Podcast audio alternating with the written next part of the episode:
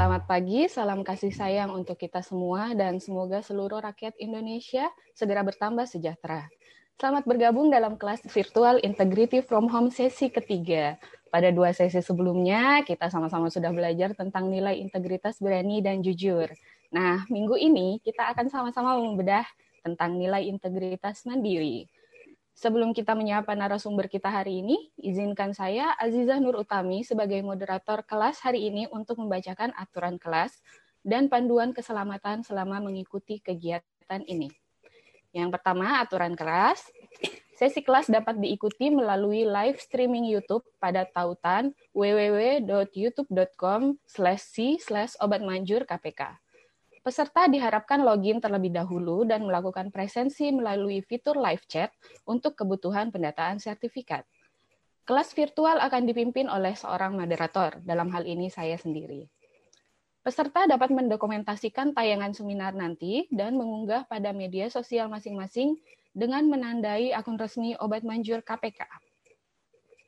Peserta diperkenankan bertanya atau menyampaikan tanggapan di tengah-tengah penyampaian materi dengan cara mengirim pesan menggunakan fitur live chat. Sebaiknya peserta tidak memotong pembicaraan atau materi hingga selesai disampaikan. Sebaiknya tidak menimbulkan kegaduhan, konflik, dan perdebatan. Mohon kerjasama yang baik dan ketertibannya kepada seluruh peserta agar kelas berjalan dengan lancar. Adapun panduan keselamatan yang akan saya sampaikan, Demi menjaga keselamatan dan kenyamanan saat mengikuti seminar, peserta bisa melakukan hal-hal sebagai berikut. Yang pertama, demi keamanan berinternet, hindari mengakses internet menggunakan Wi-Fi di tempat umum atau publik seperti kafe, fasilitas umum free Wi-Fi, dan tempat lain yang kurang aman. Pastikan Anda menggunakan koneksi internet pribadi ataupun koneksi internet yang aman untuk menghindari peretas serta lindungi kerahasiaan sandi akun Anda. Hindari berkerumun dalam mengakses kelas virtual integritas dalam masa pandemi COVID-19 dan ikuti anjuran pemerintah untuk melakukan physical maupun social distancing. Pastikan Anda mengenali tempat Anda mengakses kelas virtual ini Kenali jalur evakuasi dan titik kumpul apabila ada kondisi di luar yang kita inginkan. Pastikan Anda berada di tempat yang aman dan nyaman, tidak dalam kondisi berkendara atau beraktivitas lain yang juga memerlukan konsentrasi. Pastikan sistem kelistrikan Anda aman, colokan ke PC, laptop, atau AHP tidak ada yang bermasalah. Hentikan pemakaian segera apabila terjadi korslet. Pastikan Anda telah mematikan kompor, setrika, dan peralatan elektronik lainnya yang tidak digunakan, serta mengecek keamanan lingkungan rumah Anda sebelum mengikuti kelas virtual ini. Segera akhiri kelas dan melapor ke moderator atau notulen apabila ada kondisi yang tidak tidak diinginkan terjadi dan segera evakuasi diri. Semoga Tuhan yang Maha Kuasa melindungi kita semua. Baiklah, para peserta, sebelum mulai acara ini, marilah kita sama-sama berdoa agar kegiatan ini mendapatkan manfaat dan berkat dari Tuhan Yang Maha Kuasa. Berdoa dimulai. Bismillahirrahmanirrahim. Berdoa selesai. Baiklah, tanpa perlu berpanjang lebar lagi, mari kita sapa narasumber kita pada hari ini. Ada Kak Mufli Fatoniawan. Halo Kak. Halo. Alhamdulillah sehat, luar biasa. Semangat pagi Kak Is. Pagi, pagi, pagi. Pagi, pagi, pagi. Ya. ya. Okay. Kakak yang biasa dipanggil dengan sapaan Kak Tony, benar ya Kak Tony? Ya benar. Kak Tony ini merupakan ayah dari dua anak yang dilahirkan di Probolinggo 16 September 1991. Masih muda ya. sekali ternyata ya. Alhamdulillah. Kini keseharian pria Muslim ini beraktivitas di Jakarta Selatan di bawah naungan Direktorat Jenderal Pajak Kementerian Keuangan Republik Indonesia. Kak Tony ini memiliki uh, apa ya uh, minat menulis dan aktif tergabung dalam program penyuluhan anti korupsi. Buat yang mau tahu dan kenal lebih dekat, boleh kepoin Instagramnya beliau di akun @muflifatoniawan. Oke Kak Tony siap ya, ya. hari ini? Ya siap Uh, gimana nih kabarnya Kak Tony? Baik ya, keluarga baik? sehat, keluarga baik meskipun saya kebetulan tinggal di zona merah ya di Tangerang Selatan ya dengan kalau keluar-keluar juga kita membatasi diri jadi tetap dengan protokol kesehatan yang sudah diterapkan oleh pemerintah. Baik, tetap aja. mengikuti anjuran Betul. pemerintah ya untuk keselamatan kita bersama. Betul. Nah, gini sebelum kita memasuki inti materi kelas hari ini, saya yeah. ingin menyapa para peserta dulu. Apa kabar para peserta? Selamat pagi, semoga sehat selalu dan dalam lindungan Tuhan yang Maha Kuasa.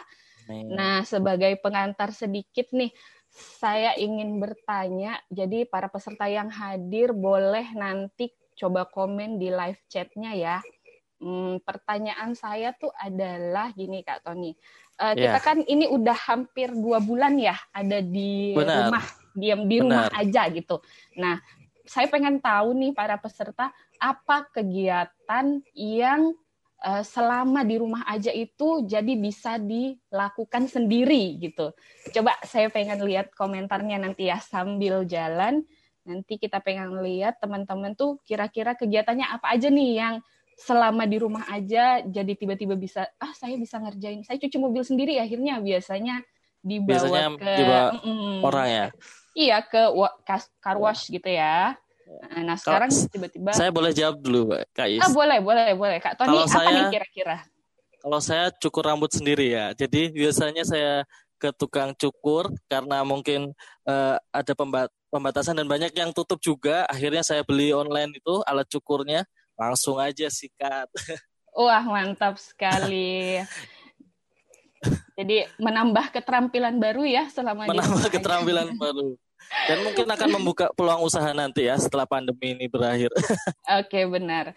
Uh, kalau saya sendiri saya apa ya yang akhirnya saya bisa kerjakan sendiri tuh bisa jahit-jahit sedikit jadinya deh. Oke. Okay. Kemarin kan sempat eh, rame-ramenya tuh bikin masker apa? Oh ya benar. Masker, masker kain ya. Ya, masker DIY ya, masker non medis gitu. Non -medis, Akhirnya okay. coba jahit-jahit eh bisa ternyata. Alhamdulillah. Uh, Ya teman-teman yang lagi bergabung di live streaming bisa menaruh komentarnya apa sih kegiatan yang uh, akhirnya bisa dikerjakan sendiri yang biasanya butuh pertolongan orang atau biasanya kita minta bantuan orang lain sekarang bisa dikerjakan sendiri. Begitu ya Kak Is? Ya betul, ini ada dari Kak Irsal Mahmud, bantu anak kerjakan PR-nya, sholat tarawih bersama anak.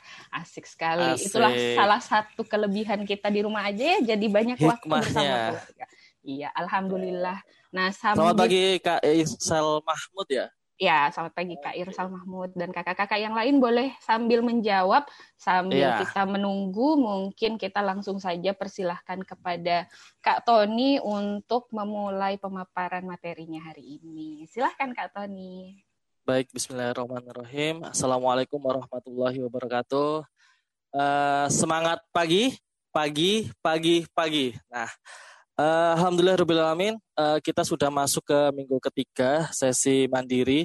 Jadi dua sesi sebelumnya, sesi berani dan jujur, sudah kita lalui bersama Kak Sahlan dan Kak Via. Dan saya sudah diperkenalkan diri, nama, nama lengkap saya Mufli Fatoniawan, kakak-kakak bisa panggil saya Tony aja. Nah, saya uh, memperbolehkan atau kalau teman-teman ingin berbagi, jadi berbagi ketika sesi ini berlangsung mau berbagi di media sosialnya monggo bisa uh, share tayangan ini ya tayangan YouTube ini ke teman-teman yang lagi live streaming. Kemudian di share di media sosialnya boleh tag obat manjur KPK ya obat manjur KPK dan Mufli Fatoniawan atau dan saya ya. Jadi biar banyak orang yang tertular biar banyak orang yang tahu dan akhirnya banyak juga yang uh, belajar. Karena integrit bangsa yang berintegritas itu tidak dibangun oleh individu per individu, tapi harus seluruh komponen bangsa, seluruh komponen rakyat Indonesia membangun diri untuk menjadi pribadi yang berintegritas, gitu ya. Jadi saya merupakan agen obat manjur asalnya di, di, dari Makassar sebenarnya, tapi karena mutasi akhirnya saya juga bergabung dengan obat manjur yang ada di Jakarta. Baik teman-teman, se, se, sembari menuliskan di fitur live chat apa aja kegiatan yang akhirnya bisa dikerjakan sendiri kita akan bahas satu persatu uh, mandiri. Jadi sebenarnya uh, materinya simpel aja, mungkin nanti kita akan bahas dan bedah uh, per segmen ya, per segmen atau per aspek aspek-aspek mandiri gitu ya. Jadi nggak nggak banyak materi yang akan dibawakan. Bentar. Oke, saya mulai lagi. Jadi sebelum kita memulai kelas, kita berdoa terlebih dahulu. Sudah dipimpin oleh moderator kita. Mudah-mudahan apa yang kita kerjakan ini bermanfaat, terutama di bulan suci Ramadan dan sempatkan teman-teman untuk berdoa. Jadi untuk berdoa agar pandemi di Indonesia ini akan segera berakhir. Kemudian pastikan koneksinya internet aman dan pastikan kenali juga ya lingkungan lingkungannya. Tadi sudah di safety briefingnya sudah diberikan oleh moderator. Terima kasih Kak Iis. Nah saya mau refleksi dulu nih. Jadi sebelum masuk mungkin ada yang teman-teman yang baru bergabung uh, di sesi ketiga ini. Jadi uh, akan ada pertanyaan, kenapa kita membahas soal keluarga ya? Kenapa nggak uh, segmentasi yang lain gitu ya? Jadi ketika kita belajar uh, tentang pendidikan karakter karena kita menyasar uh, tujuannya untuk uh, pendidikan karakter membangun uh, rakyat Indonesia yang berintegritas dengan pendidikan karakter ini ada tiga ekosistem sebenarnya yang harus dibangun. Pertama adalah lingkungan rumah atau keluarga. Jadi benar-benar keluarga harus dibangun, kemudian lingkungan sekolah, atau kalau kita sudah bekerja bisa lingkungan pekerjaan karena bekerja juga merupakan salah satu uh, wadah atau fasilitas untuk belajar. Kemudian juga lingkungan masyarakat. Masyarakat ini bisa masyarakat kecil kita, lingkungan sekitar kita maupun masyarakat dalam artian luas uh, yang dibentuk yang dipimpin oleh pemerintahan. Nah, Kenapa kita menekankan pada keluarga? Pada pada, pada masa pandemi ini kita banyak beraktivitas di rumah gitu ya. Jadi banyak yang bertemu di rumah bahkan kita harus bekerjanya di rumah, sekolah pun di rumah dan itu eh, Kak Irsal juga menyebutkan bahwa tadi mengajari anaknya di rumah. Jadi ini adalah momen-momen yang penting, momen-momen yang pas, hikmahnya pandemi ini kalau kita mengenal lebih jauh keluarga kita. Meskipun ya artinya dalam artian kita sebenarnya sudah tahu uh, apa yang ada di keluarga kita, tapi mungkin karena kesibukan kita, aktivitas kita banyak di luar, uh, sekolah, kita harus meninggalkan keluarga, bahkan mungkin berjauhan satu minggu sekali bertemu dengan pak ayahnya, ibunya, dan itu kan uh, jadi saat ini adalah momen-momen yang pas untuk uh, bertemu dan membagi ilmu dengan keluarga. Nah, menurut Selo Sumarjan ini dalam bukunya Sosiologi Suatu Pengantar, keluarga itu masyarakat pendidikan pertama. Jadi memang yang pertama kali pendidikan itu dari keluarga. Sifatnya alamiah, kita tidak bisa memilih lahir di mana, oleh siapa, dengan kondisi bagaimana, gitu ya. Jadi eh, bahkan eh, pendidikan itu bukan hanya dimulai sejak lahir ya, tapi mulai dari kandungan, mulai dari rahim ibu itu sudah pendidikan itu sudah berlangsung bahkan ketika ketika prosesnya pendidik membentuk keluarga berkarakter jadi teman-teman yang mungkin masih uh, belum mempunyai pasangan gitu ya. Jadi mulai menyusun kalau cita-citanya adalah membentuk keluarga berintegritas nantinya maka harus memilih pasangan yang memang sevisi mempunyai tujuan untuk berintegritas. Nah dari saat itu uh, seorang suami saya lelaki uh, ingin meminang istri sama nah mulai saat itulah kita harus memilih uh, calon ibu calon pendidik anak-anak kita di rumah uh, orang yang berintegritas. Kemudian saya juga mengambil dari jurnal KPK jadi keluarga itu memiliki peran sangat fundamental dalam pendidikan pembentukan mental setiap generasinya. Karena pendidikan pertama yang akan diterima anak akan berlangsung di tengah keluarga. Jadi memang keluarga itu penting. Makanya sistem uh, pendidikan di Indonesia sebenarnya bukan hanya di sekolah tapi keluarga dan masyarakat itu adalah ekosistem yang saling mendukung. Tidak tidak bisa satu sama satu sama lain saling dominan sendiri-sendiri. Nah teman-teman yang baru bergabung jadi ini juga sudah dibahas di minggu lalu saya ulangi aja. Jadi ada sembilan nilai integritas yang kami pedomani dan mungkin teman-teman bisa bisa juga memahami bahwa kita punya uh, berjumpa di kertas ya. Bernya berani, jujur, mandiri, peduli adil, disiplin, kerja keras, tanggung jawab dan sederhana. Kita biasanya singkat berjumpa di kertas. Nah, kita bagi lagi dalam tiga, tiga aspek besar. Uh, kita bagi dalam doa. D-nya adalah dasar. Jadi dos, dasar ini tiga tiga nilai integritas dasar ini adalah modal sikap awal untuk menumbuhkan semangat. Ketika kita uh, punya berani, jujur dan mandiri, maka sikap-sikap sikap-sikap yang lain bisa uh, ada pondasinya gitu ya, pondasi yang kuat. Kemudian O-nya, O-nya itu adalah organ, adalah pendukung inti dasar dan aksi untuk merawat kesadaran dan empati. Gitu. Ter, terbagi dalam peduli, adil dan disiplin. Kemudian A, aksi, kemudian adalah tindakan ya atau perbuatan setelah kita menda, da, mendapatkan pondasi yang kuat dan memiliki organ, kita meng, beraksi gitu untuk menjaga etos kerja dan cara berpikir kritis. Aksi ini berupa kerja keras, tanggung jawab, dan sederhana. Nah, dua pekan lalu kita sudah membahas berani dan jujur. Apakah kita sudah menerapkan itu di rumah, gitu ya? Apakah kita sudah berbagi dengan orang tua, dengan anak, dengan saudara, dengan tetangga misalkan, atau dengan lingkungan masyarakat?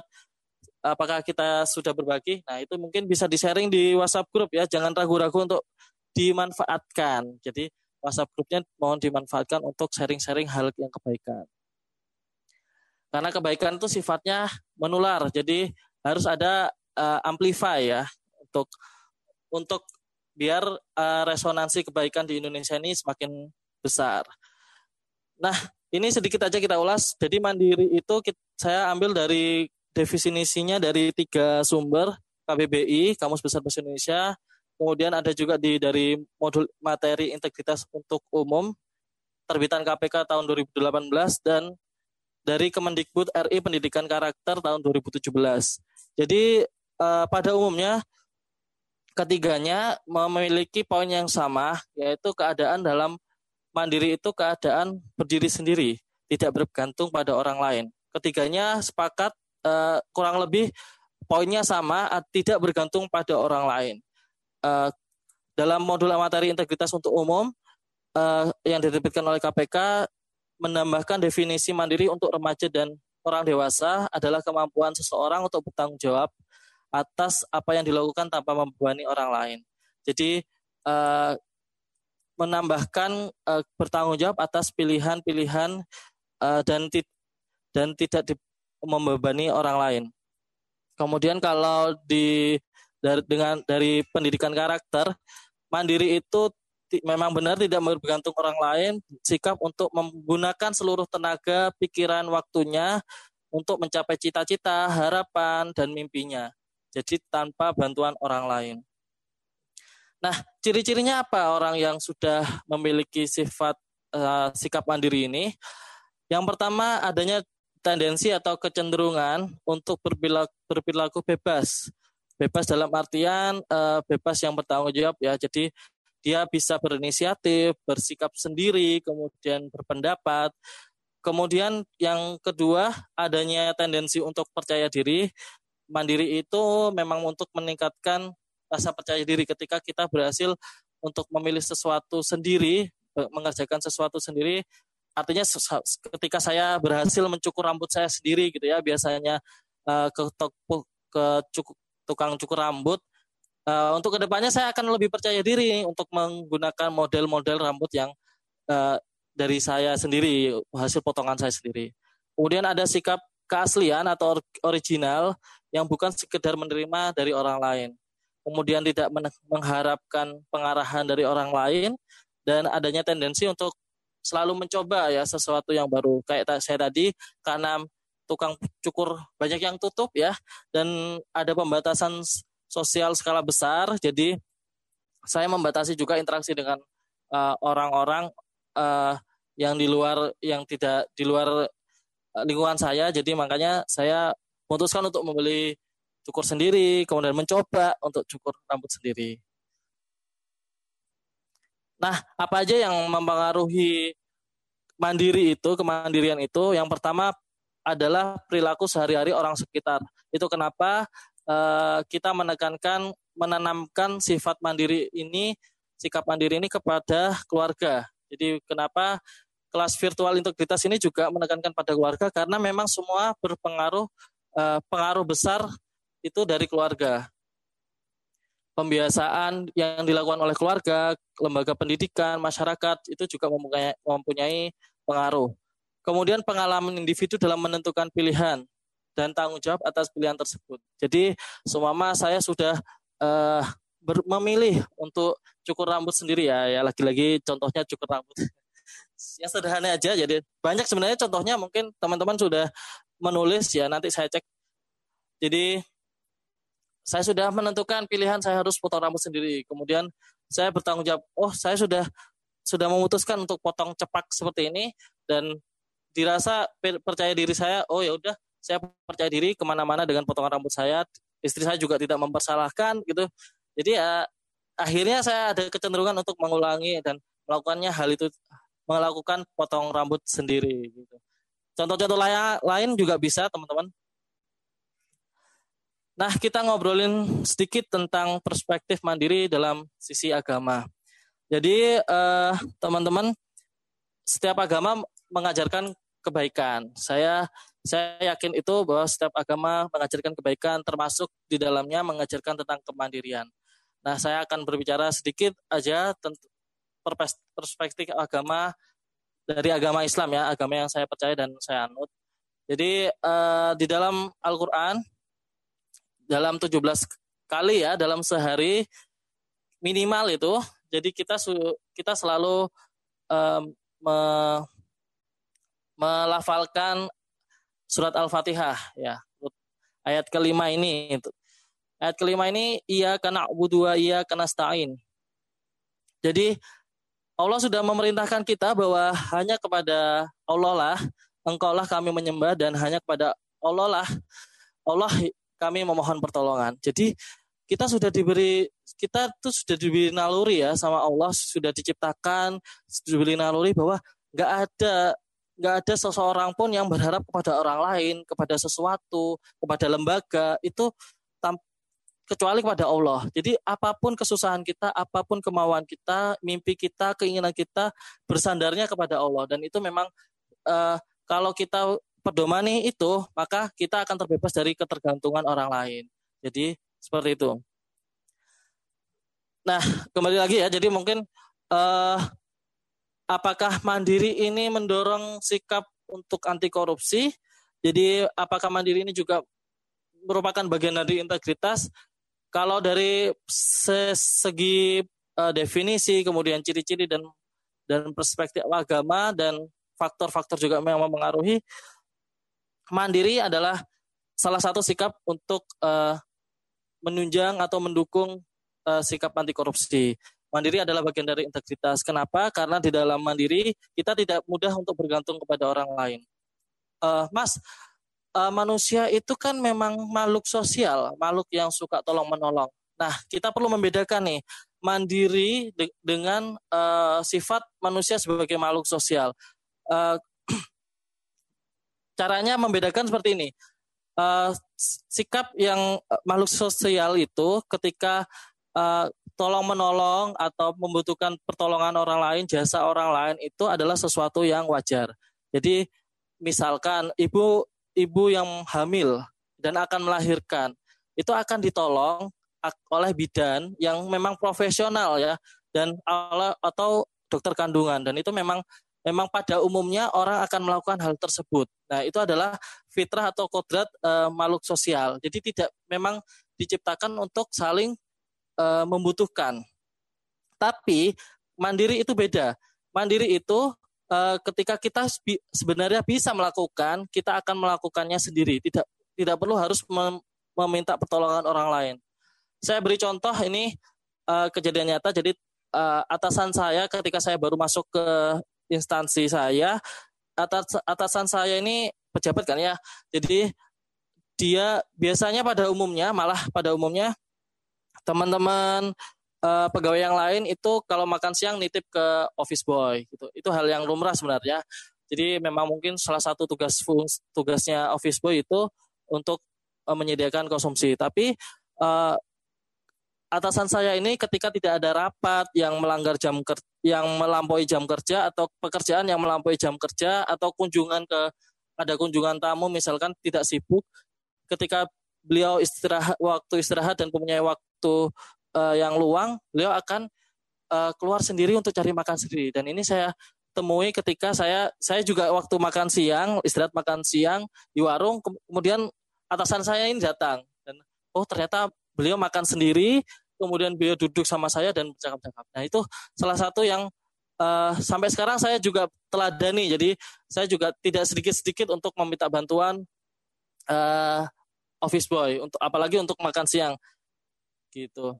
Jadi itu ya perbedaannya kalau bisa mengusahakan sendiri dan pada umumnya orang itu bisa mengusahakan sendiri itu akan lebih bagus. Apalagi sama kita mau masuk ke perguruan tinggi atau mau tes tes CPNS. Kalau kita kenal orang yang di eh, BKN, ke BKD gitu, terus kita seolah-olah akan menggantungkan ke orang itu. Ah, saya kan punya kenalan om dengan orang om yang bekerja di BKD, BKN, dan kepegawaian akan lebih mudah.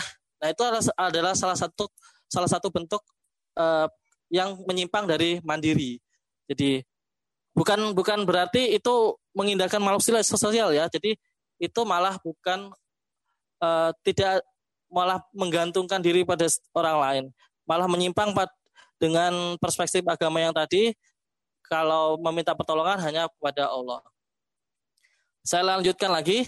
Jadi untuk uh, lebih enaknya, jadi kita belajar dari keteladanan tokoh ya. Ini teladan dari dari kemandirian yang kita punya, tokoh bangsa yang pernah kita miliki dan kita bangga pada beliau-beliau ini. Saya ambil dua contoh, saya ambil dari buku Orange Juice.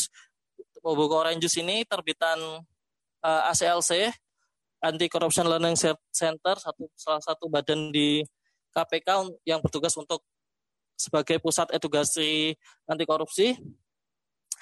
Uh, di YouTube-nya juga ada, teman-teman bisa lihat. Ini kisahnya sudah di audiovisualkan. Jadi kalau teman-teman kenal ini adalah wakil presiden pertama Republik Indonesia, Pak Bung Hatta ya, Bung Hatta. Seseorang seorang Bung Hatta ternyata memiliki mimpi ya, mimpi membeli sepatu Bali, sepatu Bali. Sepatu ini memang sepatu kulit ternama dan harganya memang tidak murah gitu ya. Tapi sekali lagi bagi seorang wakil presiden Republik Indonesia pasti uh, sebenarnya mudah untuk mendapatkannya. Tapi beliau tidak mau menggantungkan dengan jabatan, menggantungkan dengan kenalan dan menggantungkan dengan apa yang dia miliki yang seharusnya adalah amanah gitu ya. Bukan bukan kekuasaan, bukan dalam artian kekuasaan dia berkuasa atas apa pun itu, tapi amanah yang dia pegang. Jadi memang dia berhati-hati, beliau menabung untuk ke, untuk membeli sepatu Beli ini tapi tabungannya selalu terpakai untuk kebutuhan ekonomi di keluarganya karena mereka uh, keluarga mereka adalah keluarga yang memang sangat sederhana nanti sederhana juga bagian dari integritas ya integritas nanti dipelajari di akhir uh, jadi menabung kalau nggak kepake untuk kebutuhan sehari-hari juga kepake untuk membantu keluarga sanak saudaranya jadi uangnya tidak pernah tercukupi hingga beliau wafat sepatu beli ini tidak pernah terbeli uh, keteladanan ini yang perlu kita contoh ya. Jadi tidak semua yang kita miliki kita gunakan untuk kepuasan diri sendiri, gitu. Kemudian uh, yang kedua ada Baharudin Lopa ya. Baharudin Lopa ini juga keteladanan dia uh, bertugas dengan mengendarai mobil dinas, kemudian di sampai di kota tersebut uh, bensinnya dalam kondisi yang habis, tiba-tiba ketika pulang bensinnya sudah terisi. Beliau men kemudian men menanyakan kepada supirnya kenapa ini sudah terisi full. Uh, supirnya mengaku bahwa sudah diisikan sama uh, orang ya, seseorang di kota tersebut. Akhirnya beliau menyuruh uh, supirnya untuk kembali, kemudian uh, orang tersebut disuruh untuk menarik lagi ke semua bensinnya. Itu salah satu bukti bahwa uh, Pak Baharudin Lupa ini tidak mau bergantung dengan orang lain. Teman-teman bisa uh, mengunduh di sini ya di websitenya aclc.kpk.go.id uh, buku-buku Orange Juice ini. Kita lanjut lagi, waktunya sudah singkat ternyata. Jadi uh, dalam menjalankan profesi kita juga perlu untuk menerapkan kemandirian, bekerja dalam SOP dan mematuhi kode etik, kemudian percaya diri saja, tidak usah tidak usah uh, selalu menggantungkan pekerjaan kita kepada orang lain, mem meminta bantuan kepada orang lain, dan tidak mengharapkan hal yang tidak sewajarnya ya dari rekan maupun pimpinan. Artinya sama kita bekerja dengan kiat mengharapkan kita ingin kenaikan pangkat, kemudian promosi di tempat yang bagus. Jadi tidak tidak perlu. Jadi sewajarnya saja sesuai dengan kapasitas dan laporkan dengan apa adanya. Kemudian saat menempuh pendidikan, ya teman-teman yang wajib masih dalam proses belajar ini, dalam yang sedang menempuh pendidikan, belajar itu proses ya teman-teman, nilai itu hasilnya. Jadi jalannya yang harus ditempuh salah satu-satunya adalah belajar dengan sungguh-sungguh. Itu tidak ada jalan lain kecuali belajar dengan sungguh-sungguh. Kemudian percaya diri dengan kemampuan sendiri, berani untuk memilih jujur dan kelola waktu dan ambil kesempatan untuk berkembang. Ini uh, teman-teman harus hati-hati. Jadi kalau ketika punya keinginan, uh, ketika kita salah, ketika kita menggantungkan pada orang lain, itu kejadian di di ketika mau masuk di institusi pendidikan saya ya kedinasan ada yang berusaha untuk curang menggantungkan diri pada alat telekomunikasi kemudian pakai joki nah itu tidak akhirnya malah tertangkap tidak tidak mendapatkan pendidikan yang dia inginkan malah masuk ke dalam sel tahanan nah itu itu dampak yang diakibatkan dari tidak kurangnya rasa mandiri ini Kemudian melatih kemandirian pada anak, saya dapatkan dari modul seri pendidikan orang tua, menumbuhkan kemandirian pada anak yang diterbitkan oleh Kemendikbud RI pada tahun 2017. Uh, eh, kenapa sih kita harus melatih mandiri pada anak? Nah, karena uh, eh, kita, karena kemandirian itu adalah sesuatu yang perlu dilatih. Tidak muncul dari diri sendiri ya. Jadi memang memang harus dilatih benar-benar dan latihan itu akan mempersiapkan masa depan anak untuk menjadi pribadi untuk menentukan pilihannya sendiri dan bertanggung jawab atas pilihannya. Peran orang tua sebagai apa? Sebagai teladan ya. Jadi sebelum mengajarkan ke anak kita harus menjadi contoh dulu figur yang bisa dilihat dari anak. Kemudian pembimbing dan pengarah dan pemberi apresiasi atau penghargaan atau pujian atau memang apresiasi yang bisa diberikan kepada anak kemudian sebagai pelatih. Nah, pada saat pandemi seperti ini, eh, mandiri yang bisa kita terapkan tentu saja taat pada peraturan pemerintah. Kemudian berpikir kreatif untuk tetap memenuhi kebutuhan hidup di tengah keterbatasan. Mungkin teman-teman di sini ada yang terdampak secara ekonomi, kita uh, perlu berpikir kreatif. Kemarin ada sharing juga dari teman-teman uh, komunitas pengusaha bahwa ada usahanya yang travel yang juga gonjang ganjing ya. Jadi karena pandemi ini, tapi dia mengalihkan bisnis travelnya menjadi food delivery, uh, jasa antar makanan gitu ya. Karena memang saat ini itulah bisnis yang hidup. Nah teman-teman harus berpikir kreatif, salah satu bentuk kemandirian. Kemudian kritis terhadap isu terkini dengan mengedepankan fakta karena banyak sekali hoax bahkan akhir-akhir ini banyak teori konspirasi yang beredar. Nah, kita harus benar-benar mencari fakta mandiri untuk mencari uh, berita dan sumber-sumber yang valid terpercaya. Nah, ini akan menjadi uh, eh, PR ya, apa ya, semacam kita akan mereview bersama-sama nanti di WhatsApp group. Jadi ini adalah film festival anti korupsi tahun 2019. Teman-teman bisa akses di YouTube channelnya ACLC KPK. Di situ ada judulnya Imbas gitu ya saya memilih uh, judul ini karena mungkin ada kaitannya nanti dengan uh, anti korupsi. Teman-teman bisa lihat ini di rumah masing-masing. Uh, nanti kita akan bedah bersama-sama nanti uh, kita hari Sabtu hari Selasa lah ya. Hari Selasa kita ketemu di grup, kita akan membahas membedah uh, film ini dari segi uh, integritasnya, dari segi uh, nilai-nilai yang ada yang ada dalam film ini. Ini juga salah satu pembelajaran kita. Nanti teman-teman juga bisa melihat film-film uh, yang lain ya di YouTube channelnya ACLC KPK, baik yang 2019 maupun tahun-tahun sebelumnya. Nah, yang terakhir, teman-teman, jadi ini adalah slogan kami belajar bermain beraksi berbagi ya. Jadi mudah-mudahan teman-teman juga bisa menerapkan kegiatan ini. Kita sudah tiga minggu ini belajar ya, mulai dari sesi berani, jujur, dan sekarang mandiri. Uh, kemudian kita ingin uh, teman-teman beraksi dalam bentuk bermain boleh atau bermain dalam uh, artian aksi, aksi nyata teman-teman di keluarga masing-masing atau di sekitar lingkungannya sekarang, lakukan eh, kegiatan-kegiatan yang bersifat mandiri seperti apa, kemudian dibagikan ya, karena kisah-kisah mandiri yang bisa dibagikan silakan dibagikan di WhatsApp grup bisa, kemudian dibagikan juga di media sosial, bisa tagging juga ke Abad Manjur KPK. Karena e, berbagi ini penting kenapa? Karena kita tidak mau kita sendiri yang tahu, kita sendiri yang mandiri, kita sendiri yang berintegritas. Kita ingin semua rakyat Indonesia semuanya berintegritas, tidak hanya pemerintahnya, tidak hanya e, aspek swasta, tapi rakyat, rakyat kecil juga memiliki sifat-sifat e, integritas. Semuanya lah, semuanya. Masyarakat umum seperti saya juga memiliki sifat integritas. Bagaimana caranya? Yaitu menggaungkan apa yang kebaikan-kebaikan yang telah kita kerjakan. Ilmu-ilmu yang kita telah kerjakan kita bagi gitu ya. Itu karena kebaikan itu sifatnya menular. Terima kasih uh, atas sesinya. Mudah-mudahan tidak terlalu banyak uh, yang uh, dan bikin bosan ya. Terima kasih.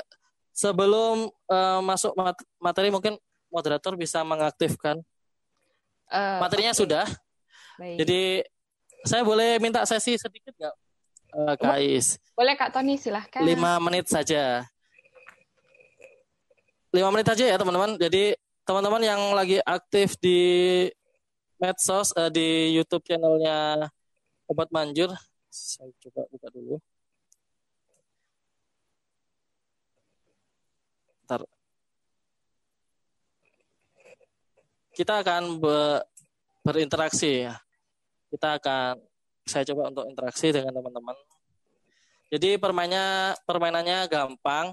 Teman-teman cukup menjawab uh, yang saya sampaikan. Jadi semua uh, saya bertanya nih satu ditambah satu berapa. Nah teman-teman uh, cepet-cepetan ya dulu duluan untuk menjawab itu di live chat.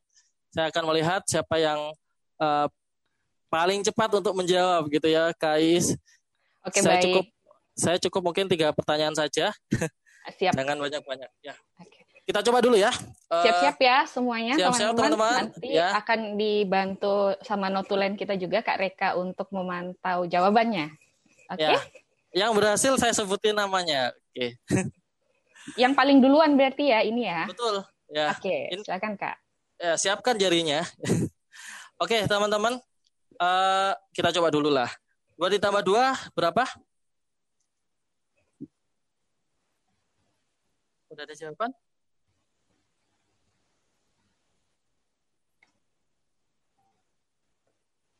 Empat, oke. Okay. Ada nih, Kak Muhammad Sahlan Ramadan. Muhammad Sahlan Ramadan. Terima kasih Mbak Muhammad Sahlan Ramadan. Terima kasih, uh banyak sekali. Oke, okay, berarti teman-teman masih aktif, ya. Oke, okay, dijawab secepat mungkin. Oke, pertanyaan kedua. Eh, pertanyaan pertama ya. Tadi coba-coba dulu. Pertanyaan pertama. Uh, huruf setelah O apa? Huruf setelah O. Oke. Huruf setelah O. Ini masih ada yang jawab pertanyaan sebelumnya nih. Ah, Nur Komala ah. 85. Kak Nur Komala 85. Saya beri tepuk tangan yang meriah. Oke. Pertanyaan kedua. Pertanyaan kedua, siapa Ketiga tokoh, Kak Tony. Oh, oh ketiga. Oke. Okay. Siapa tokoh yang menginginkan sepatu Belly? Jawab sesingkatnya. Nama singkatnya aja nggak apa-apa.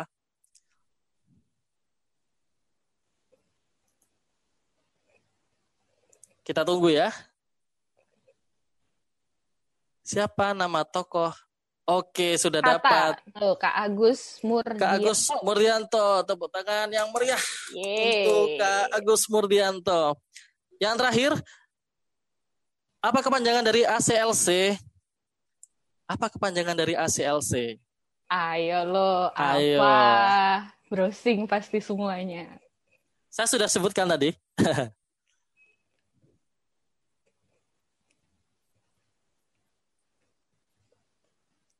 Kita tunggu dulu.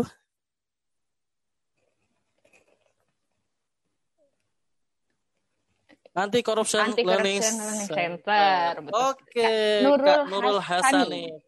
Terima kasih uh, atas partisipasinya teman-teman semuanya dan uh, interaksinya di live chat. Saya kembalikan ke moderator. Monggo silakan. Oke baik, terima kasih Kak Tony, mantap sekali ini ya presentasinya hari ini banyak sekali kita mendapatkan insight-insight yang baru dari uh, pemaparan yang Kak Tony sampaikan. Sebelum masuk ke sesi tanya jawab ini jawab maksud saya maaf uh, sesi tanya jawab ini saya mau bacain sedikit nih tadi tanggapan teman-teman tentang yeah. hal apa sih yang mereka bisa lakukan sendiri selama di rumah aja. Ternyata macam-macam juga ya ada yang uh, baru bikin kue buat keluarga padahal sebelumnya belum pernah katanya. Ada yang budidaya ya. Iya, ada yang budidaya ikan dalam aquaponik. Wah. Ada yang jadi petani, ada yang panen padi setengah hektar. Masya Wah, Allah. Masya Allah. Ada yang uh, belajar mengajar daring, ada yang ikut pelatihan BIMTEK online, uh, terus Cuman gini Kak Tony, ternyata yeah. kalau tadi kita sampaikan uh, dengan pandemi ini banyak waktu berkumpul untuk keluarga, ada juga nih kayak seperti Kak Anitra yang harus yeah. LDR sama keluarganya gitu ya. Mungkin dari situ kita dituntut mandiri juga untuk uh, berpisah sejenak dengan keluarga menjalani hari-hari sendiri. Iya, mudah mudah Kak Is juga ya. Iya betul. Ya mudah-mudahan teman-teman yang uh, berpisah dengan keluarga, artinya untuk memutuskan berjauhan karena memang diperintahkan untuk berjauhan, untuk menjaga diri, tidak berpergian ke mana-mana. Mudah-mudahan diberi kesabaran dan diberi ganjaran ya nanti di hari akhir. Baik, amin amin. Uh, Kak Tony, tadi nih ya. Kak Tony kan sempat bilang bahwa hmm. uh, mandiri itu berarti kita tidak bergantung pada orang lain. Ada banyak Benar. banyak pertanyaan nih dari uh, teman-teman ada yang menanyakan Benar. kaitannya dengan peduli, ada yang okay. uh, mengaitkannya dengan tanggung jawab dan uh, sikap adil dan sebagainya. Cuman yang yang perlu yang agak sedikit saya catat di sini adalah dengan mandiri itu berarti kita tidak mengharapkan penghargaan dari orang lain ya. Berarti kita melakukannya Benar. untuk diri kita sendiri. Benar. Uh, terus uh, kemandirian itu perlu dilatih kalau kita berbicara dalam konteks keluarga berarti orang tualah yang uh, menjadi uh, teladan ya. Uh, yeah. Apa kayak image pertama yang dilihat anak-anak. Nah ini nih uh, nyambung sama pertanyaan beberapa peserta yang uh, sudah menyampaikan pertanyaan. Ada beberapa yang bertanya beberapa lama waktu yang dibutuhkan untuk menumbuhkan sikap semangat dan okay. bagaimana caranya. Nah, itu tuh ada yang nanya dari umur anak 2 tahun, lima tahun, 10 okay. tahun, dewasa dan di lingkungan kerja. Kayaknya sih mungkin uh, uh, intinya sama, cuma nanti pada saat penerapan-penerapannya hal-halnya ada yang disederhanakan untuk anak-anak gitu ya. Silahkan Kak Tony dijawab dulu. Oke, okay, saya uh, ini berarti cara bagaimana cara menumbuhkan mandiri kepada anak ya sampai dan sampai umur berapa gitu ya Mbak Kais? Iya, betul sekalian sama berapa lama kira-kira waktunya katanya Kak. Oke. Saya coba sharing uh, materi dari Kemendikbud ini ya. Jadi ini adalah uh, ini judul modulnya nanti saya saya kalau mau saya bagikan di grup WhatsApp-nya. Jadi ini uh, pen, modul untuk pendidikan karakter yang diterbitkan oleh Kemendikbud RI pada tahun 2017. Pada saat itu memang uh, sedang digaungkan pendidikan karakter, salah satu bagian dari revolusi, revolusi mental ya. Cita uh, salah satu visi nawacitanya presiden saat itu. Nah, kembali lagi uh, di modul ini saya kira lengkap ya dari bagaimana cara menumbuhkan kemandirian kepada anak dan sampai umur berapa kira-kira anak itu bisa mandiri. Nah, seperti yang saya telah bicarakan, kita sebagai orang tua ya teman-teman kalau sudah memiliki anak atau yang akan memiliki anak yang akan berkeluarga, ini bisa di, di diberi apa ilmu yang bermanfaat ini. Jadi il, peran orang tua untuk menentukan kemandirian anak antara lain teladan, pembimbing dan pemberi penghargaan dan sebagai pelatih. Nah, di sini ada step-stepnya nih. Anak usia 0 sampai 1 tahun orang tua dapat melakukan apa, kemudian ap, apa aspek yang uh, kemandirian yang diajarkan tuh apa, seperti memberi kesempatan anak bergerak bebas, tidak selalu digendong gitu. Dan lain sebagainya ini melatih anak untuk bisa makan dan minum sendiri itu selain menumbuhkan mandiri juga menumbuhkan rasa percaya diri karena uh, anak-anak itu sebenarnya harfiah uh, nalurinya adalah ingin mencoba sesuatu yang baru dan ingin mencoba sesuatu yang orang tua kerjakan. Itu saya amati dari anak saya. Ketika saya menyapu, ketika saya menyepel, anak saya ketika sapunya tergeletak, itu anak saya mengambil sapu dan menyapu dan itu tanpa saya perintah ya maksudnya tidak ada arahan tidak ada dorongan untuk menyapu itu seperti ini tidak tidak harus seperti itu jadi memang uh, peran orang tua itu dalam dalam bentuk keteladanan itu sangat penting. Jadi hadirnya orang tua adalah figur uh, yang bisa dilihat oleh mata dirasakan oleh indera yang di indera yang dimiliki oleh anak. Jadi mulai dari usia 0 sampai 1 tahun targetnya apa aja itu ada. Usia 1 sampai 3 tahun ketika bis, mulai bisa merawat diri sendiri, anak diajari untuk uh, buang air sendiri di toilet itu bisa merupakan salah satu uh, kemampuan ya yang harus di, dilatih dan dimiliki oleh anak. Karena ini adalah salah satu uh, tidak hanya melatih uh, tidak hanya melatih mental ini tapi juga uh, kemampuan kognitif kemampuan motorik anak juga dilatih dalam aspek-aspek kemandirian ini. Seperti menggosok gigi sendiri gitu ya. Anak saya juga gitu ya. Jadi memang belum bisa mandiri sendiri atau masih belajar juga untuk ke toilet sendiri tapi untuk gosok gigi ketika dia sudah bi ketika saya sudah menggosok giginya sendiri dia selalu meminta sesi untuk untuk gosok sedikit gigi sendiri meskipun ya saya harus berkorban dengan bolak-balik ganti sikat gigi ya karena digigitin, di nah. dimain-mainin. Tapi tapi saya biarkan itu karena itu adalah satu proses dia mengenal sesuatu hal yang baru, proses untuk mengajar pada anak-anak. Saya hanya memberi pengertian, nah kalau eh, nah kalau digigitin aja sikat giginya akan rusak. Tidak bisa dipakai lagi. Aisyah eh, nama saya nama saya Aisyah ya. Aisyah tidak bisa menggosok gigi lagi gitu. Jadi uh, peran peran kita sebagai orang tua adalah uh, kita berikan kesempatan, kemudian kita bimbing, artinya kita tidak lepas begitu saja. Apabila ada resiko, artinya ketik uh, sikat giginya rusak, ada resiko, kita berikan uh, pengertian resiko apa yang akan dialami. Itu akan sedikit sedikit banyak akan masuk ke anak-anak. Uh, Dan jangan jangan kira ternyata anak-anak itu uh, pinternya luar biasa ya. Jadi ketika kita kira tidak dia tidak menangkap hal-hal yang kecil, dia tangkap semuanya. Dia apa pun uh, apa pun respon, apa pun sesuatu hal yang kita lakukan, apa pun yang terjadi di lingkungan dia, dia tangkap semuanya. Bahkan uh, anak saya juga mulai berbicara dari hal-hal yang kita uh, dari apa-apa aja yang saya ucapkan ke saya dan istri saya ucapkan. Anak-anak pencontoh yang ulung ya. Betul, benar. Ya? Betul benar. sekali. Jadi uh, di dalam buku apa nih bukunya uh, mengajarkan ke modul mengajarkan kemandirian gitu ya. Betul. Uh, di situ ada uh, kriteria sama langkah-langkah untuk menerapkan Betul. kemandirian pada anak. Nanti uh, kita bisa share kepada para peserta melalui iya. grup WA. Ini ada sampai usia berapa Bahkan nih? Bahkan sampai 18 tahun. Sampai ya. 18 tahun jadi bisa. Nah, untuk di lingkungan kerja sendiri gimana menurut Kak Tony ini lingkungan kerja atau lingkungan sekolah sebenarnya sih tadi sudah disinggung juga ya di hmm. di materi sedikit aja Kak Tony diulang sedikit uh, inti. Ya.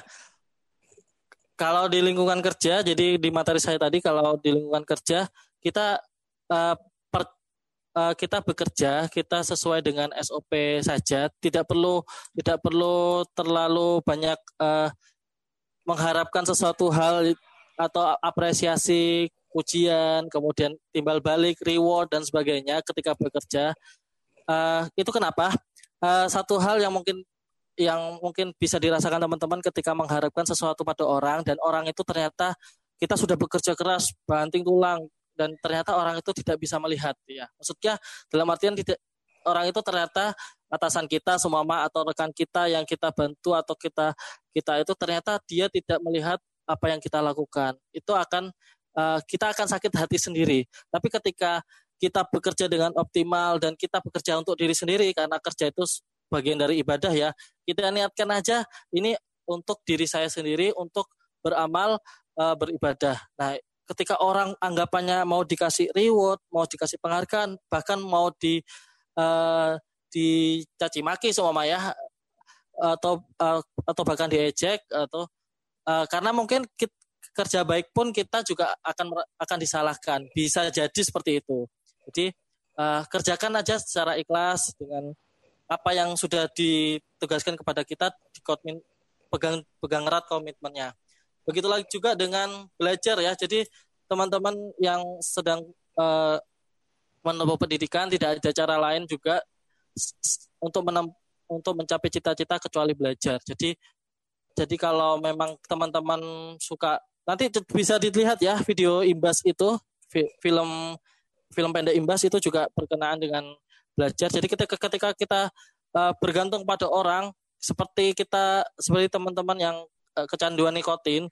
Jadi satu kali kita kecanduan akan seterusnya kecanduan-kecanduan dan itu efeknya luar biasa. Bukan efek positif yang kita dapatkan tapi nanti akan kembali ke kita dalam bentuk efek yang negatif. Sesuatu yang kita berikan positif akan kembali kita ke positif, kembali ke kita dalam kondisi yang positif. Sesuatu yang kita berikan negatif juga akan kembali kita ke negatif. Itu yang perlu diingat-ingat uh, bagi teman-teman sekalian. Baik. Gitu ya Kak Is. Uh, ya oke okay, Kak Tonit. Jadi beberapa clue kita simpan untuk dipantik di grup WA gitu ya. Biar iya. lebih rame lagi. Betul. Uh, next Kak Tony, ini tuh ada pertanyaan dari paparan narsum. Simpulan saya mandiri yang telah dilakukan seseorang harus diberi kekuatan atau stimulus positif agar karakter tersebut bertahan menjadi habit. Betul sekali ya. Uh, hmm. Jangan lupa apresiasi dalam setiap Betul uh, apa yang kita lakukan. Terus tanya apresiasi dari, bisa dari diri sendiri ya Kak Is. Jadi iya. uh, selalu harus mengharapkan dari orang lain. Jadi uh, ada tadi kayaknya ada yang komentar uh, uh, untuk uh, apresiasi ya untuk bekerja untuk apresiasi. Itu tidak perlu orang lain yang mengapresiasi. Cukup kita sendiri ketika kita sudah mengerjakan sesuatu hal yang menurut kita uh, kita cita-citakan dan berhasil, kita beri apresiasi kepada diri kita. Bisa mungkin memanjakan diri dengan liburan, membaca buku, me time malah artinya. Mungkin teman-teman bisa bisa memanjakan diri sendiri, tidak perlu mengharapkan apa dari orang lain apresiasi dan segala bentuk macam yang lainnya. Betul, gitu. untuk diri sendiri gitu ya. Nah, ya. selanjutnya ya. nih Kak Tony, bertanya dari Kak Edi Darmawan. Jadi orang yang mandiri adalah harapan kita semua, tapi dalam praktik kehidupan mandiri sering dicap sombong. Bagaimana kita menjelaskan kepada teman-teman? Nah, ada banyak nih kayaknya yang me gitu ya? mengaitkan ya? itu ya, jangan sampai kita dibilang sombong padahal maunya mandiri gitu. Jadi memang ini harus di dibedakan. Jadi memang benar-benar harus dibedakan antara yang saya tadi sudah bahas uh, manusia sebagai makhluk sosial dan manusia yang nalurinya adalah uh, mandiri dan tidak hanya menggantungkan kepada uh, robnya kepada Allah. Jadi uh, teman-teman sekalian, jadi saya sudah contohkan tadi uh, mandiri yang memang benar-benar bisa uh, mandiri yang benar-benar uh, yang diharapkan itu adalah tidak tergantung apa-apa kepada orang lain. Artinya ketika kita bisa mengerjakan sesuatu sendiri ya kita kerjakan sendiri gitu ya. Bukan berarti sombong ya. Artinya semua seperti ini saya tidak meminta bantuan uh, office boy untuk mencuci mobil saya, kemudian membeli makan saya, membeli makan siang saya, sesuatu hal yang pribadi bagi saya yang sebenarnya saya juga bisa mengerjakan diri sendiri. Nah, itu kan memang kebutuhan sendiri. Jadi sesuatu untuk diri sendiri kenapa harus orang lain yang mengerjakan. Beda dengan kalau kita memang tidak bisa. Artinya saya sudah contohkan tadi ketika orang sakit. Sakit membutuhkan tenaga yang profesional untuk menangani sakit kita. Pergilah ke dokter karena memang di situlah uh, ahlinya ya sudah belajar kedokteran untuk menyembuhkan penyakit kita. Nah, itulah uh, esensi uh, esensi makhluk sosial, esensi peduli kita. Semua kita semua ada tetangga kita terkena musibah, musibah rumahnya, nauzubillah, rumahnya semua kebakaran atau kebanjiran. Kita uh, kita menolong dia bukan dalam artian dia tidak bisa mandiri untuk menolong dirinya sendiri karena memang dia benar-benar sedang membutuhkan. Dia sudah uh, semua dia untuk bertahan hidup di uh, pengungsian dan sebagainya itu adalah salah bentuk salah satu bentuk mandirinya.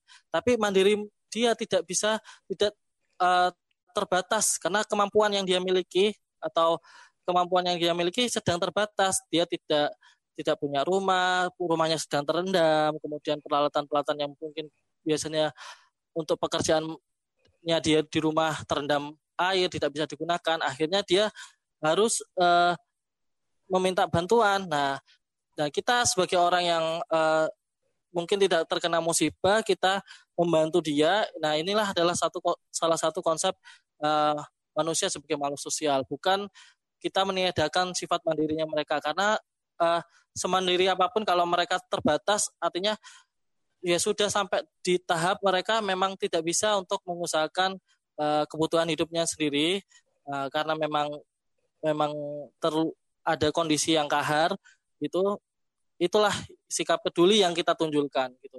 Sikap kepedulian kita yang kita tonjolkan.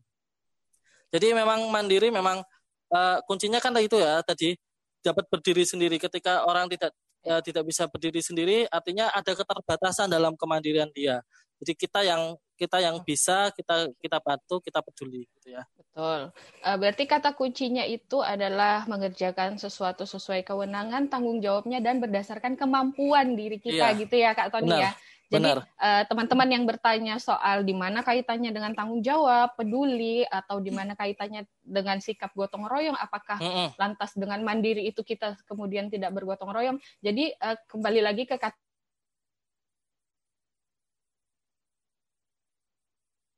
Halo?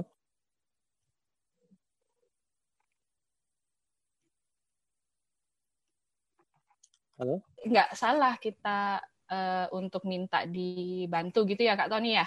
Iya benar. Nah ini berarti ini juga menjawab nih pertanyaan uh, mungkin agak agak tipe ya pertanyaan dari Pak Upi Raharjo ini gimana jika ada orang yang mau membantu orang lain sesuai dengan kewenangannya namun untuk yang masih bau saudara dia tidak mau membantunya sesuai dengan kewenangannya.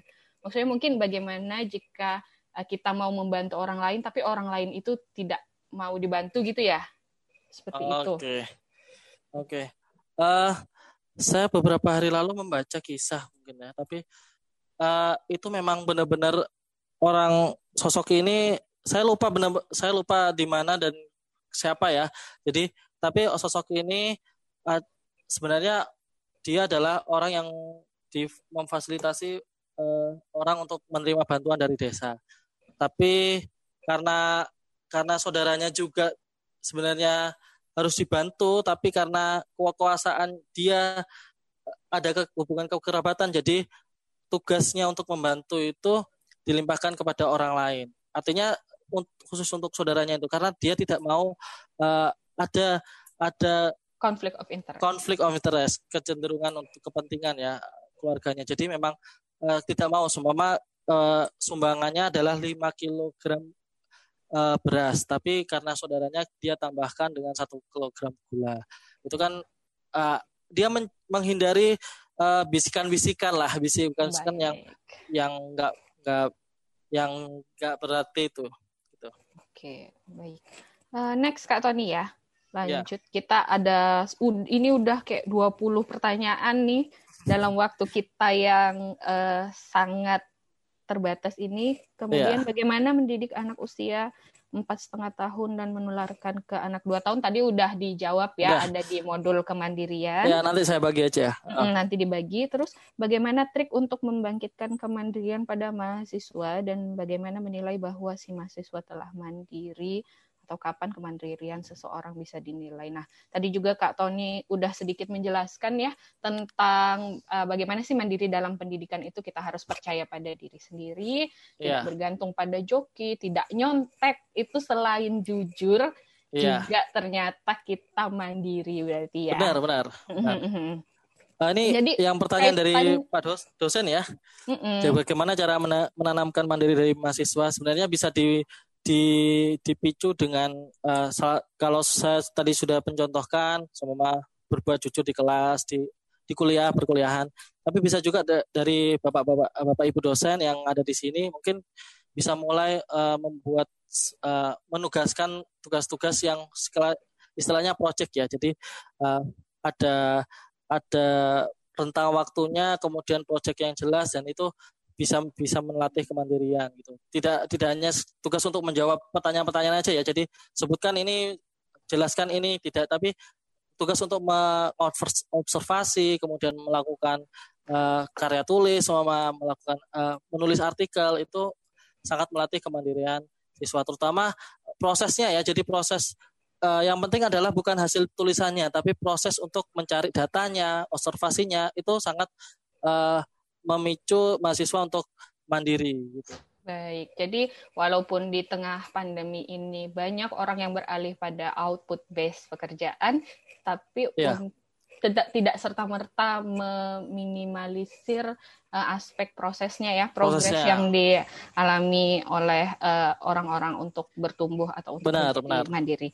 Uh, Oke, okay, baik kak. Next nih uh, pertanyaan kak, masyarakat juga sebagai kolerat korelat bertumbuh suburnya karakter mandiri. Apa sumbangan masyarakat terhadap hal ini gitu Kak? Tadi kayaknya juga. Guys?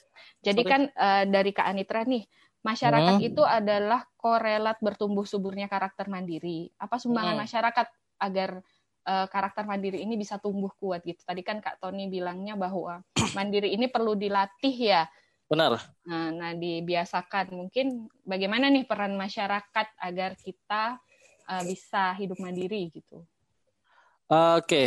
jadi uh, peran masyarakat untuk hidup mandiri. Jadi tiga tiga ekosistem yang harus di saya sudah di awal sudah sebutkan tiga ekosistem yang harus dibangun ketika ingin belajar tentang pendidikan karakter khususnya mandiri ini adalah ekosistem di rumah kita sudah belajar ini ekosistem di uh, sekolah atau tempat bekerja di mana kita uh, melakukan aktivitas belajar kemudian ekosistem di masyarakat. Nah, masyarakat ini bisa bagaimana cara menumbuhkannya?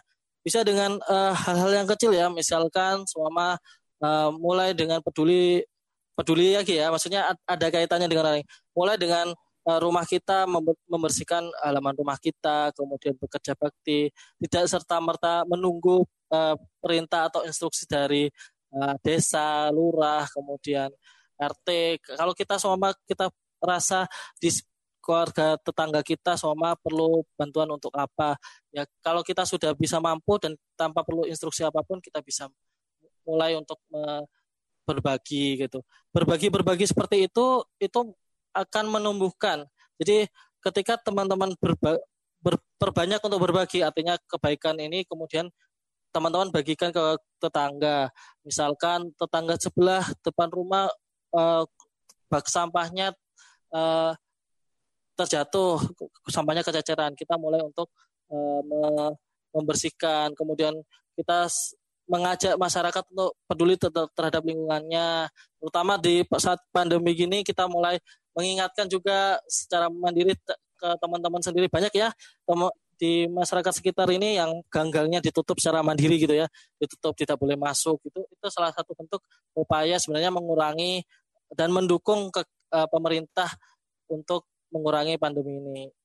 Dan itu sebenarnya perlu dibagikan biar biar uh, uh, lebih banyak orang yang bisa tertular. mengerti ya tertular, bisa ah, mengerti kebaikan ini Kak Is. Oke, betul sekali. Jadi uh, dimulai dari diri kita kemudian diperluas ke lingkungan paling dekat, kemudian lingkungan yang lebih besar lagi seperti Benar. Kak Tony ya. Saya makin penasaran nih jadinya Hah? antar dengan nilai-nilai integritas yang lain. Tadi Kak Tony udah sempat menyinggung tanggung jawab, iya, iya. udah sempat nyinggung adil, sekarang nyinggung peduli, semakin tidak sabar untuk mengikuti kelas-kelas selanjutnya ya biar pemahamannya tuh lebih lebih keseluruhan, lebih holistik gitu dalam melihat uh, apa sih nilai integritas ini perannya buat kehidupan kita gitu ya Kak Tony. Benar, karena keterkaitan sih Kak Is, jadi memang iya. kita tidak bisa cuma belajar berani aja, kita tidak bisa berhenti sampai jujur aja, tapi memang semua itu aspek yang berkaitan membentuk uh, pribadi yang berintegritas. Betul sekali. Jadi uh, pastiin buat peserta nih jangan cuma ikut ah. sesi satu, sesi dua aja nih. Harus ikut sampai sesi sembilan berarti ya. Nanti di sesi delapan tuh ada tuh nilai tanggung jawab gitu. Kita next ya Kak Tony. Okay. Uh, ya, kritis boleh. terhadap isu terkini tadi yang sempat disinggung bukankah masuk di nilai-nilai keberanian? Nah ini tuh kita udah dibantu sama Kak Sahlan di di YouTube di live chat nih ada Kak Sahlan nih yang okay. menjawab sambil me, me, apa ya mengarahkan persepsi yeah. gitu ya. Mandiri itu menjadi modal dasar untuk menunjukkan bahwa kita punya keberanian dan kejujuran pada Betul. diri dalam berkata, bersikap, bertindak. Jadi memang uh, ketiga nilai ini dalam aspek dasar ini bahkan sampai sembilan nilai selanjutnya memang tidak bisa dipisahkan ya. Betul. Jadi kita harus pin, uh, apa melihatnya dari uh, sisi mana nih. Kalau uh, kritis terhadap isu terkini ya kita berarti uh, contoh mandirinya adalah dengan uh, berupaya berinisiatif mencari berita-berita pembanding berita-berita yang uh, benar gitu ya Kak Tony mungkin maksudnya iya. ya. Maksudnya seperti itu. Jadi uh, ketika orang um, menemukan sesuatu isu atau berita yang menurut dia perlu dikonfirmasi, nah sesuatu uh, sikap dia untuk kritis itu menemukan mandiri. Artinya kita tidak dibimbing siapa-siapa ya untuk mencari sumber, Betul. kemudian data yang valid itu tidak dibimbing siapa-siapa, tidak juga karena apa-apa, karena kita memang pengen memunculkan sikap kritis itu dan akhirnya dalam aksi dalam uh, dalam aksinya gitu ketika kita bersikap mandiri kita juga akan memunculkan uh, keberanian dan itu iya. memang apa ya saling bersinggungan memang. Iya betul. Sama seperti kisah Bung Hatta tadi ya, yang dia ya. pengen sepatu beli. Tadi ada kak siapa gini yang bilang, eh itu bukannya nilai jujur, berarti eh, mandirinya adalah dia mengumpulkan uangnya sendiri gitu, bekerja untuk dirinya sendiri tanpa mengharapkan bantuan orang lain. Kalau dari sisi jujurnya adalah tidak menyelewengkan uh, ke kewenangan, kekuasaan yang dia punya. Betul begitu ya Kak Tony ya? Iya. Ya, memang Jadi, sangat uh, berarti benar benar benar benar erat. Jadi uh, beririsan sih sebenarnya. Jadi ketika kita kayak mencontek itu, ketika kita percaya diri, percaya diri juga ya. Jadi ketika kita mandiri, kita belajar sendiri, kemudian belajar bersungguh-sungguh, itu adalah satu sikap mandiri dan menumbuhkan sikap jujur. Ketika ulangan, ketika ujian, uas kita tidak mencontek. Ketika uh, tadi contohnya uh, sepatu belly, uh, Bung Hatta juga mempunyai kesederhanaan, Bung Hatta juga mempunyai kejujuran, dan dia aspek kejujuran itu juga dilandasi dengan kemandirian karena dia tidak ber, tidak ingin bergantung dengan kekuasaannya. Jadi Betul. tidak memanfaatkan mentang-mentang wakil presiden, artinya dia bisa aja memerintahkan menganggarkan bahkan kalau ingin ya. Ada haknya bahkan ya kalau mau Iya, ada mungkin pakaian dinasnya akan ya, bisa dimasukkan betul. dimasukkan unsur sepatu dengan spesifikasi sepatu belly. Bisa, tapi dia tidak menggunakan itu karena dia tidak ingin tergantung sama negara ini. Betul gitu. sekali. Uh, itu adalah contoh yang bisa sekali ya diterapkan untuk kita kita yang bekerja gitu ya bahwa uh, kalau memang itu untuk kepentingan pribadi kita ya udah uh, beli sendiri gitu kadang kan ada Betul. orang yang air galon habis di kantor nih mencela mencela ini kok nggak ada air gini padahal sebenarnya nih langkah simpelnya aja kita bisa bawa dari rumah atau kita Betul. bisa beli sendiri gitu ya uh, oke okay. next ini menjawab pertanyaan kak Mega nih bagaimana menciptakan sikap mandiri di lingkungan kerja apalagi sekarang lagi WFH ya kak Tony kalau saya yeah. boleh uh, sharing sedikit WFH ini sangat erat kaitannya dengan kemandirian ya kita tidak Benar. melulu menunggu uh, instruksi atasan gitu ya mengambil Benar. inisiatif kita kan udah tahu tanggung jawab kita apa, kewenangan kita sampai di mana, tugas kita apa aja. Nggak harus nih tiap hari atasannya nelpon, eh kamu ngerjain A, si B ngerjain B, si C ngerjain C gitu ya. Kita bisa yeah. mulai mandiri mengambil inisiatif untuk mengerjakan yang memang menjadi uh, ruang lingkup tugas kita seperti itu sih kalau menurut saya. Ya tanpa tanpa ada pengawasan langsung gitu ya. Iya, Tapi kita tentunya tetap, tetap bertanggung jawab ya. Tetap harus tanggung jawab. Nah, gitu iya, kaitannya dengan tanggung jawab ya. Aduh, semakin penasaran lagi nih. Udah. uh, next Kak Tony, bagaimana ya. menyikapi kan again mandiri dan sikap peduli di mana akhirnya dengan sikap peduli kita mengakibatkan ketidakmandirian orang lain. Apakah betul seperti itu? Enggak ya, karena mungkin tadi sudah saya jelaskan ada batasannya antara mandiri betul, dengan ya? peduli dengan uh, manusia sebagai makhluk sosial. Itu memang harus di, dipahami benar-benar teman-teman uh, batasannya di mana. Ketergantungan gitu ya, ketergantungan kepada orang lain. Gitu. Monggo dilanjutkan.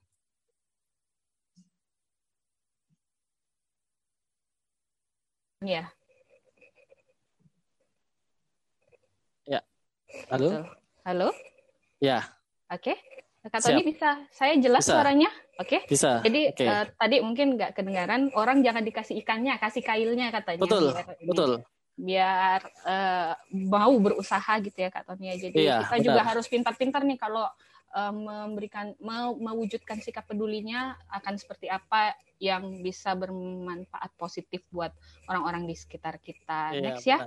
Uh, selanjutnya ada dari Kak Siti Hardianti dan Mapatiwi melatih adik mandiri tapi ujung-ujungnya berujung egois. Tadi juga udah kita bahas sama-sama apa hmm. korelasinya atau bagaimana cara menarik garis dari antara mandiri dan egois itu. Ada banyak sekali nih pertanyaannya Kak Tony apa beda percaya diri dengan kesombongan? Tadi juga Kak Tony udah bahas ya. Kalau mandiri itu berarti sesuai dengan uh, kemampuan kita. Kalau sombong tuh melihat uh, diri kita terlalu tinggi dari yang iya. sebenarnya gitu ya. Iya tidak sesuai apa yang kita punya gitu ya. Betul. Next ini ada saran nih buat panitia dari yeah. Kak Irsa Mahmud. Abis ini panitia bisa mandiri untuk catat peserta yang hadir. Baik. Siap. Kita sebagai panitia terus ini ya. Kita tuh tiap hari kayaknya uh, mengelaborasi apalagi nih perbaikan-perbaikan untuk kegiatan yeah. kita gitu ya. Benar. Terima benar kasih loh sarannya Kak Irsal Mahmud. Next, uh, Mas master, Kak Irsal juga bilang master mandiri harus ditempatkan sesuai porsinya. Misalnya ya, seorang benar. atasan jangan sampai karena terlalu mandiri akhirnya dia kerja kerjain semua nih tugasnya. Iya benar sekali kan tadi oh. sekali lagi ada kewenangan, tanggung jawab benar. dan kemampuan. Jadi uh, jadi memang karena sesuai porsinya ya. Jadi harus ada batasan antara mandiri dan uh, orang membutuhkan orang lain. Jadi bukan bukan ketergantungan ya tapi orang membutuhkan orang lain. Itu makhluk sosial dan itu memang ekosistem pekerjaan kita kan ada atasan ada bawahan. Apalagi sama uh, rekan kerja. Semua kita bisa mengerjakan pekerjaan rekan kerja kita tapi kita juga bisa artinya kita sudah selesai mengerjakan pekerjaan kita kemudian teman kerja teman kita belum selesai ah, eh, kita comot-comot aja pekerjaan kita pekerjaan dia untuk kita itu bukan bukan sifat mandiri sebenarnya ya. Jadi yeah.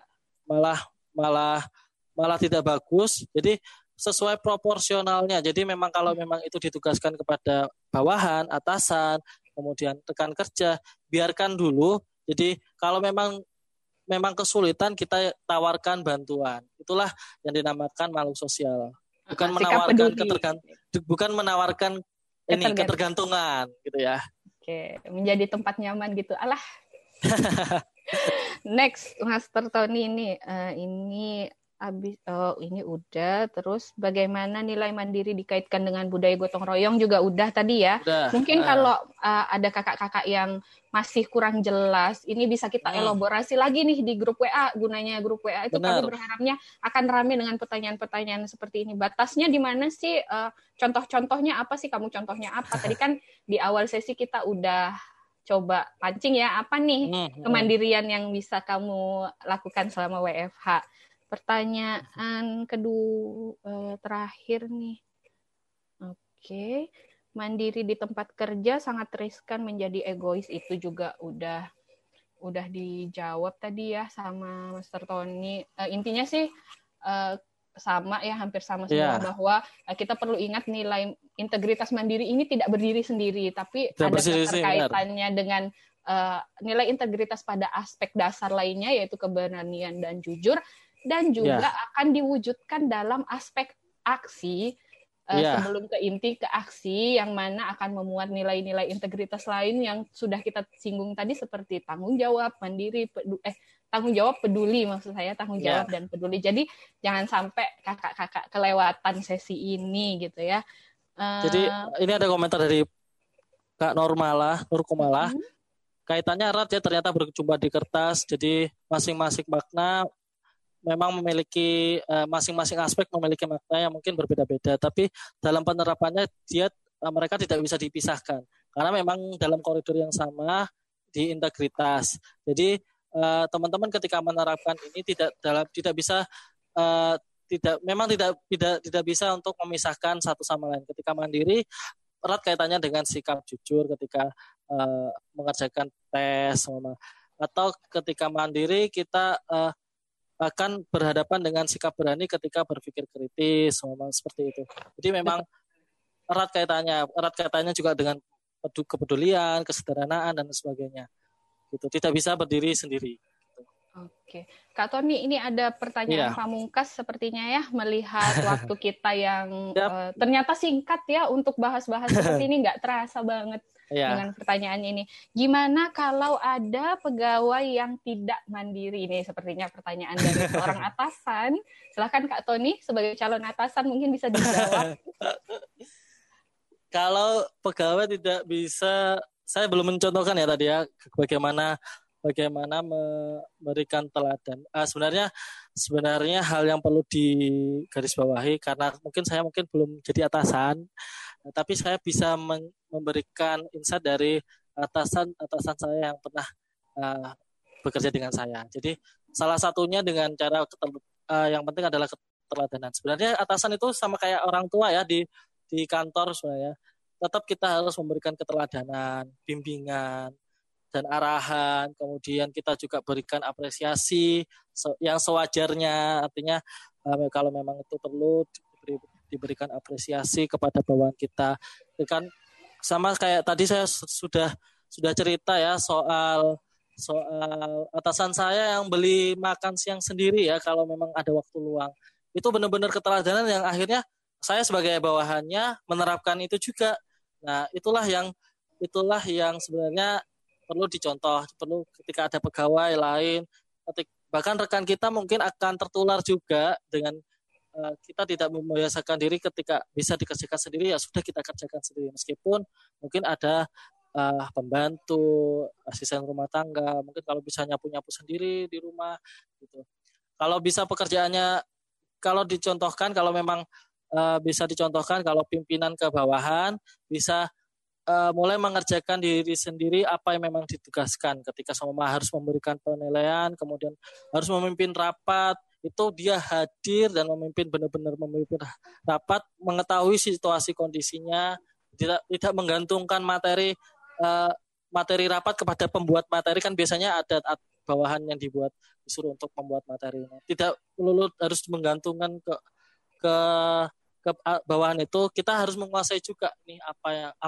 apa isi isi materinya itu keteladanan yang mungkin bisa kita terapkan. Nah, insya Allah mudah-mudahan dari kebaikan yang uh, Bapak Ibu kerjakan, kemandirian yang Bapak Ibu kerjakan akan menular nih ke orang lain. Kalau orang lain orang ah kalau Bapak itu bisa, kalau Ibu itu bisa, kalau teman saya bisa, kenapa saya harus dikit-dikit minta pertolongan kepada orang lain gitu, harus bergantung kepada orang lain. Begitu. Begitu ya Master Irsal. Iya. Uh, ben oke okay, Kak Tony uh, buat para kakak-kakak yang pertanyaannya masih terus mengalir nih di yeah. grup eh di live chat ya. Mungkin kita kita simpan beberapa untuk kita uh, bahas di grup uh, eh, yeah. WA peserta Benar. ya seperti bagaimana nih kalau orang ada dalam satu tim nilai mandirinya tuh dari segi apa gitu. Ada Benar. juga Kak Anitra yang uh, membagikan tips selaku atasan menumbuhkan mandiri untuk mitra kerja adalah dengan menerapkan tiga konsep Ki Hajar. Nah, bagaimana tiga konsep Ki Hajar itu nanti kita colek-colek ke Anitra di grup buat Betul. membagikan uh, tipsnya. Buat Kak Hotma Silalahi juga mohon tanggapan sejak tahun 2000 banyak sekolah yang menanamkan nilai kemandirian. Uh, tapi memiliki paling memiliki penjiplakan karya tulis itu nanti kita bahas juga kita simpan untuk ya. bahas di grup ya. Ada banyak sekali ya, pertanyaan. banyak sekali Kak Ais uh, kita simpan aja Nah, eh, di menit-menit terakhir kelas kita nih, saya minta closing statementnya Kak Tony deh buat eh, menutup eh, acara ini. Gitu. Ada banyak pertanyaan tadi ya terkait kaitannya dengan nilai integritas lain, terus perbedaannya dengan kesombongan atau sebagainya, dan bagaimana cara-caranya itu tadi udah banyak kita bahas, walaupun banyak yang belum terjawab juga. Tapi monggo silahkan closing statementnya biar terpuaskan rasa penasaran peserta-peserta ini. Iya, teman-teman sekalian, uh, peserta live streaming kelas virtual integritas Integrity from Home, uh, saya sebenarnya mengucapkan terima kasih kepada panitia obat panjur dan teman-teman yang sudah mendaftar. Teman-teman sudah mendaftar ini adalah salah satu bentuk kemandirian ya. Pengen belajar sendiri tanpa dorongan apa pun, ingin ingin menambah, ingin berbagi ya, istilahnya inti berbagi ilmu di tengah uh, pandemi ini. Jadi uh, kemandirian itu seperti seperti halnya dengan sikap-sikap integritas yang lain, jujur, berani, jujur, kemudian adil, peduli.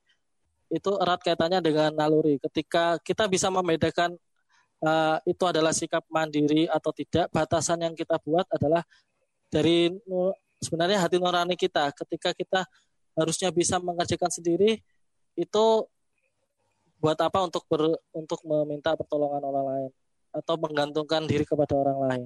Kalau kita bisa bisa melakukannya sendiri, itu akan menumbuhkan sikap-sikap yang lain. Jadi kalau uh, erat kaitannya ketika kita tidak mungkin kalau kita sudah terprosok artinya sudah sering kali untuk uh, menggantungkan diri kepada orang lain, maka kita akan susah untuk uh, susah untuk keluar dari zona tersebut. Artinya mungkin itulah yang disebut zona nyaman ya. Jadi ya, saking nyamannya kita sedikit-sedikit meminta bantuan, sedikit-sedikit uh, untuk urusan yang sangat pribadi pun dia harus menyuruh orang lain. Padahal harus harusnya bisa dikerjakan sendiri. Itu aspeknya mungkin kecil hal-hal yang kecil ya. Hal-hal yang kecil yang bisa dikerjakan sendiri tapi kalau kita uh, kita terus menerus pembiasaan pembiasaan gitu akan ber, berdampak yang sangat besar. Misalkan ketika mau tes uh, ke, ke, ke menjadi karyawan atau pegawai negeri gitu, kita berusaha sendiri, dampaknya akan sangat besar dan dampaknya kepada diri kita sendiri. Itu gitu. Itu teman-teman uh, tetap mandiri di rumah saja gitu ya.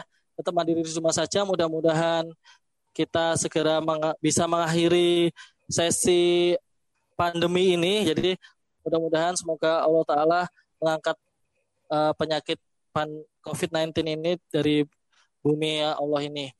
Amin ya Allah amin. Hmm. Cukup sekian Kais.